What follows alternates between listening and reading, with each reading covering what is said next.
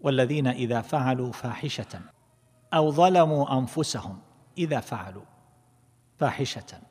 وهذا يشعر أن ذلك خلاف الأصل يعني ذكر الشرط.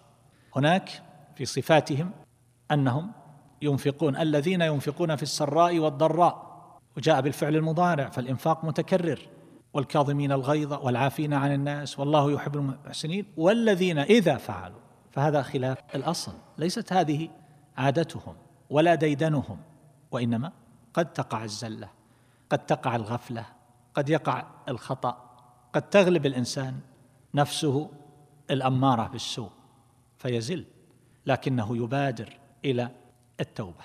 والذين إذا فعلوا فاحشة أو ظلموا أنفسهم ذكروا الله فاستغفروا لذنوبهم ومن يغفر الذنوب إلا الله.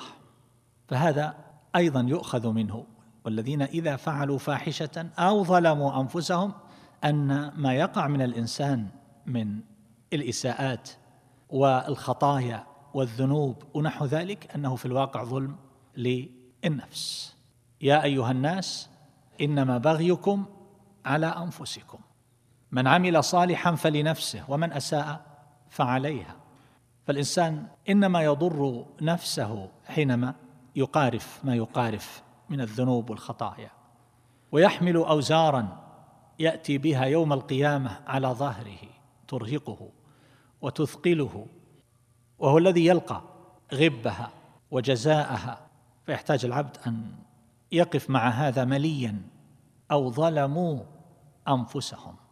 فإذا فوت العبد الصلاة أو أضاع حقا من حقوق الله أو فعل شيئا من معاصيه أو غير ذلك الواقع أنه يظلم نفسه.